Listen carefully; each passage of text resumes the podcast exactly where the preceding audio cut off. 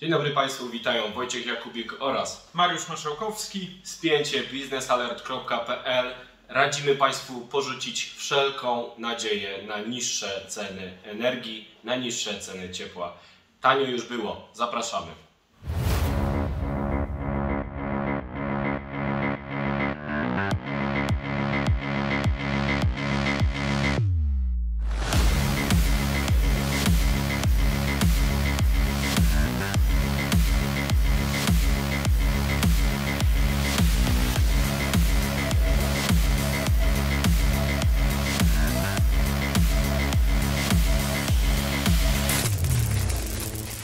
Dzisiejszym odcinku spięcia będziemy rozmawiać o cieple i o energii. I o tym, że będzie tylko drożej. Właściwie moglibyśmy zakończyć y, ten odcinek smutną konstatacją, że e, no taniej już było i trzeba się przygotować, ale jeszcze wytłumaczymy Państwu dlaczego. Mariusz, dlaczego cena energii tyle kosztuje? Jest rekordowa e, w Europie, a w Polsce nie do końca. No po pierwsze, cena energii e, rośnie z dwóch względów. Po pierwsze, rosną ceny paliw, które są wykorzystywane do produkcji tej energii. Coraz więcej e, produkujemy energii z źródła przejściowego, czyli z e, gazu ziemnego, który obecnie na rynkach europejskich kosztuje historycznie wysokie ceny. To znaczy, tak wysokich cen nie notowano jeszcze nigdy. I jeżeli ktoś popatrzy sobie na ceny, które osiąga teraz gaz, na przykład na giełdzie TTF, czyli holenderskiej giełdzie, e, która jest wyznacznikiem jakby dla całej Europy, poza, poza Naszą częścią świata też. Tak. To te ceny e, rosną praktycznie z dnia na dzień o kilkadziesiąt procent. Wczoraj, e, wczoraj mówimy tutaj o 14 września, ceny e, gazu na TTF kosztowały 840 e, dolarów za 1000 metrów sześciennych. Dzisiaj, czyli 15 września, te ceny skoczyły już do 930 dolarów za 1000 metrów sześciennych, a to jeszcze nie jest ostatnie słowo. I teraz pytanie, dlaczego te Dlaczego? ceny gazu tak drożeją? Drożeją dlatego, że w Europie w momencie teraz, kiedy powinno e, finalizować się wypełnianie magazynów gazu właśnie gazem, e, magazyny gazu są wypełnione w rekordowo niskim poziomie, to znaczy oscyluje to wokół 70%. E, Dzieje się tak dlatego, że Gazprom, który jest jednym z głównych dostawców gazu do Europy, wstrzymuje przesył gazu przez terytorium Ukrainy, to znaczy przesyła na minimalnym wolumenie, nie takim, który jest potrzebny do zapełnienia magazynów. To znaczy ten gaz, który jest przesyłany przez Gazprom obecnie, jest wykorzystywany na bieżąco. To powoduje presję na, e, na, na, na rynek, na ceny właśnie tego surowca. No i mamy taki efekt. Dlaczego ktoś może zapytać, dlaczego LNG nie trafia do Europy? Ponieważ w Azji jest jeszcze drożej niż w Europie. Ceny w, e, na gaz na 1000 metrów w Azji sięgają ponad 1100 dolarów za 1000 metrów sześciennych. To oznacza, że e, eksporterzy LNG, którzy mają kontrakty powiedzmy takie bardziej wolne, spotowe, e, niedługoterminowe, to wysyłają ten wolny gaz do Azji. Polski, polskie dostawy LNG mają cały czas miejsce, dlatego że my korzystamy z, głównie z umów długoterminowych, między innymi z Qatargas czy z dostawcami amerykańskimi. Te kontrakty, te umowy, e, one nie są wcale, one są e, niezwiązane bezpośrednio z cenami, e, z cenami panującymi na giełdach, dlatego ich cena jest nieco niższa. I to też jest pierwsza, pierwsza odpowiedź na pytanie, dlaczego w Polsce jest tańsza energia elektryczna, jeszcze tańsza elektryczna na, na giełdzie, na TGE, niż na przykład na zachodzie Europy. A drugi czynnik to oczywiście kwestia emisji. Jeżeli zobaczymy na ceny emisji dwutlenku węgla do atmosfery, jak wyglądały one na początku roku, czyli między 25 a 28 euro za tonę, e, no to teraz e, te ceny sięgają 65 i w górę euro za tonę. To oczywiście przekłada się na to, że firmy, które produkują energię elektryczną ze źródeł emisyjnych, czyli węgla bądź gazu ziemnego, muszą płacić znacznie więcej niż wcześniej za uprawnienia do emisji e, tych e, gazów cieplarnianych. To oczywiście będzie przekładało się na koszty końcowe. Najpierw na e, koszty dla przedsiębiorstw, dla firm, bo to firmy, e, firmy muszą działać na zasadzie giełdowej, na zasadzie wolnego rynku, kupować energię, a w późniejszym czasie będą wpływać również na ceny energii dla konsumentów indywidualnych, która ta energia jest regulowana przez regulatora. O tak, o tak, no więc tanio już było. E, warto wskazać różnicę między rynkiem polskim a na przykład brytyjskim. Właśnie fakt, że Polska wytwarza energię głównie z węgla, a Wielka Brytania, Holandia, e, Niemcy w dużej mierze z gazu spowodował, że mieliśmy do czynienia z sytuacją paradoksalną na rynku w ostatnim czasie. Przez to, że gaz podrożał tak bardzo, e, w Polsce energia elektryczna hurtowa była tańsza niż na przykład w Niemczech, była najtańsza w Europie, ale warto uspokoić już związkowców górniczych, którzy teraz już lecą po szampana szybko do lodówki się nim polać z radości. No nie znaczy to wcale, że z węglem będzie już tylko dobrze. To jest trend chwilowy, który wynika z tego szczytu e, zapotrzebowania połączonego z niedoborem podaży gazu na rynku europejskim.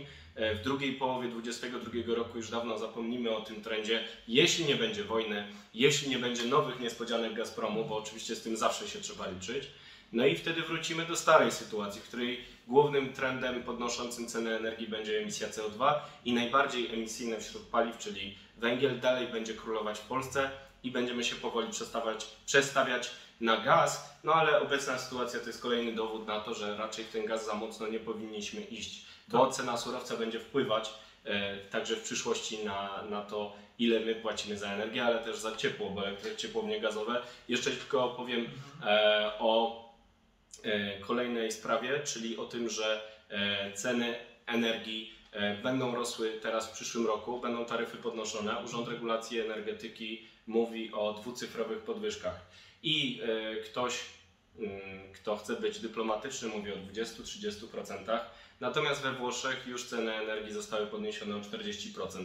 Francuzi myślą o zamrożeniu e, cen energii, czyli o pomyśle, który w Polsce budził wielkie kontrowersje moim zdaniem słusznie, bo e, to w niczym nie pomoże. To reformy powinny obniżać cenę energii, ale w Polsce minister energii były Krzysztof Tchórzewski e, chciał zamrozić cenę energii, zamroził na jeden rok, był bardzo krytykowany za to, ale te ultra wysokie ceny energii e, i ceny gazu w Europie spowodowały, że nawet tacy e, Francuzi, e, którzy zdawałoby się mają takie problemy za sobą, myślą o zamrażaniu cen energii, bo wiadomo, że wysokie ceny energii, wysokie ceny ciepła, które Polskę też czekają przez właśnie rosnące e, ceny uprawnień do emisji CO2, to jest e, zapalnik społeczny. Przecież y, protesty żółtych kamizelek y, toczyły się wokół drogiego paliwa. E, tego typu protesty mogą się zdarzyć także w Polsce. Będzie to jeden z kluczowych czynników przed wyborami parlamentarnymi w Polsce, bo y, chciałem na koniec powiedzieć, że e, te wzrosty nie kończą się w przyszłym roku, one się zaczynają. Tak. E, W następnych latach one dalej będą kilkunasto, kilkudziesięcioprocentowe, bo dopiero ulga się pojawi, kiedy zmieni się nasz miks energetyczny. a On się będzie zmieniał w dekadę, w dwie dekady. Więc taka prawdziwa ulga nadejdzie dopiero za kilka lat. Więc taniej już było, a teraz będzie tylko drogo i oddaję głos Mariuszowi. Tak, to co Wojtek słusznie zauważył, polski miks energetyczny jest e, dopiero na początkowym etapie transformacji energetycznej. E, To, jak ta transformacja będzie przebiegać, e, wiemy choćby z dokumentów strategicznych, z polskiej polityki, e, z polityki energetycznej Polski do roku 2040. I tam widzimy szereg różnych inwestycji, które mają zmienić dotychczasowy miks z węglowego na e, nisko bądź zeroemisyjny. E, Tylko właśnie, no, każdy, kto mm, zmienia mm, źródło ciepła na, na, na źródło nieemisyjne, czy zeroemisyjne, czy niskoemisyjne, zmienia samochód e, z jednego e, na drugi, wie, że to wszystko te zmiany kosztują. E, Zmiany kosztują, aby te zmiany mogły nastąpić, potrzeba pieniędzy. A pieniądze w tym przypadku mówimy tutaj nawet przy, przy takich no, dosyć konserwatywnych założeniach, to w przeciągu 20 lat e, od 2020 roku do 2040 roku e, potrzebujemy około e, 1,6 bilionów Bilionów, złotych nie milionów. Bilionów złotych, e, tak żeby pokazać e, mniej więcej skalę, no to rocznie polski budżet, e, cały budżet polski oscyluje w około 400 miliardach złotych, z czego duża część jest oczywiście finansowana e, długiem publicznym. Znaczy Czyli mamy trzy razy tyle to czyli- jest sama transformacja energetyczna. nawet, nawet, e, nawet cztery, jak, jak policzymy. E, o, no właśnie, cztery. Tak, nawet cztery, więc e, przez cztery lata polski budżet w tej, w tej wysokości, jakiej jest obecnie, musiałby wydawać całe pieniądze, wszystkie złotówki na transformację. No jak wiemy, tak się nie może stać, tak się nie będzie działo, e, bo nawet duże wydatki w pozycji budżetowej, na przykład na obronę narodową, to jest około 50 mil- e, miliardów e, złotych rocznie. No, nawet takich pieniędzy prawdopodobnie nie będziemy rocznie wydawać na zmiany w energetyce, a te zmiany muszą nastąpić, bo inaczej, jeżeli nie nastąpią w, w, w ciągu najbliższych kilku lat, to my jako konsumenci energii będziemy płacić jeszcze więcej. Nawet Albo postawimy sobie panele fotowoltaiczne i nie będziemy się przejmować.